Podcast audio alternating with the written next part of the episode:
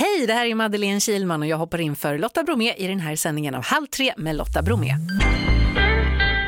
Barnrättsorganisationen Majblomman släppte nyligen en rapport där man undersökt barns möjligheter att åka gratis kollektivt på kvällar och helger.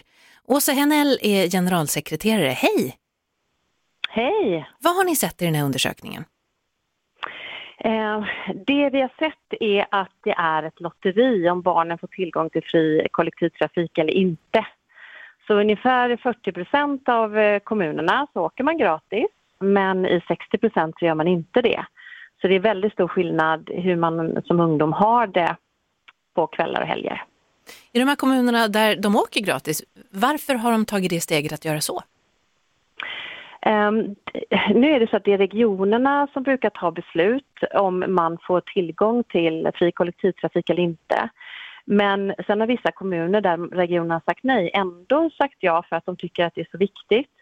Eh, och det är ju viktigt för att det är, man blir utestängd från sociala sammanhang om man inte har möjlighet att ta sig eller utestängd från arbetsmarknaden. Vi ser ju att det är ungdomar som har sökt om ekonomiskt stöd hos oss på Majblomman för att kunna ha råd att ta sig till sitt sommarjobb för att föräldrarna då inte har möjlighet att betala busskort till exempel över sommaren. Var i landet är liksom problematiken eller gapet som störst? Ehm, det man kan säga är ju att generellt sett så ligger barnfattigdomen på 10% i Sverige. Alltså 10% av barnen bor i familjer där eh, inkomsten inte räcker till det allra viktigaste som mat och bostad och el till exempel och kläder. Men eh, i Malmö så är barnfattigdomen så hög som 24 procent. Och eh, där blir det ju extra svårt då för det är extra många barn som inte har råd att eh, få busskort från föräldrarna och ta sig till exempel till stranden på sommaren eller till sina fritidsaktiviteter. Men ja, man blir ju alldeles ställd. Det är ju nästan en fjärdedel av barnen där de inte har råd att ge sina barn det de skulle vilja, det som är liksom basic på något sätt. Mm, mm, ja, precis så, så ser det ut och det är väldigt stor skillnad för i Gällivare till exempel, där ligger den på 2,4 procent. Så där är det en tiondel av barnen som lever i barnfattigdom. Så dels så skiljer det sig jättemycket över landet. Men sen skiljer det sig också hur, vilka man växer upp tillsammans med. För eh, är du uppvuxen med en ensamförsörjande förälder så har du det jättemycket svårare än om du eh, lever med två föräldrar till exempel. Vi ser ju att det är svårt att hålla sig, att klara sig med en lön idag om man har barn. Du jobbar ju på Majblomman. Hur jobbar ni för att det här ska förändras?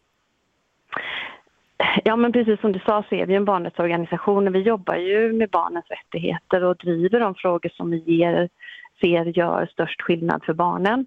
Och det vi gör är att vi tar kontakt med makthavare och till exempel så pratade vi med alla partiledare i sommar på Almedalen och även under Frihamnsdagarna i Göteborg. Men vi talar ju också, driver opinion i media, eh, pratar med kommunpolitiker och så vi försöker verkligen göra det vi kan för att driva opinion kring de frågorna som vi verkligen gör jättestor skillnad för barn. Och för några år sedan så såg vi att glasögon, att det var ett sånt enormt stort behov av att få hjälp med glasögon.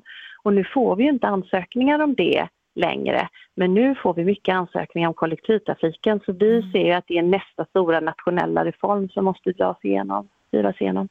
Ett problem i taget? Precis, det är verkligen så man får se det. Eh, Åsa Henell, generalsekreterare för Majblomman, tack snälla för att vi fick ringa dig. Ja, tack för att vi fick vara med. Ett poddtips från Podplay. I fallen jag aldrig glömmer djupdyker Hasse Aro i arbetet bakom några av Sveriges mest uppseendeväckande brottsutredningar. Går vi in med hemlig telefonavlyssning och, och då upplever vi att vi får en total förändring av hans beteende. Vad är det som händer nu? Vem är det som läcker? Och så säger han att jag är kriminell, jag har varit kriminell i hela mitt liv men att mörda ett barn, där går min gräns. Nya säsongen av Fallen jag aldrig glömmer på Podplay.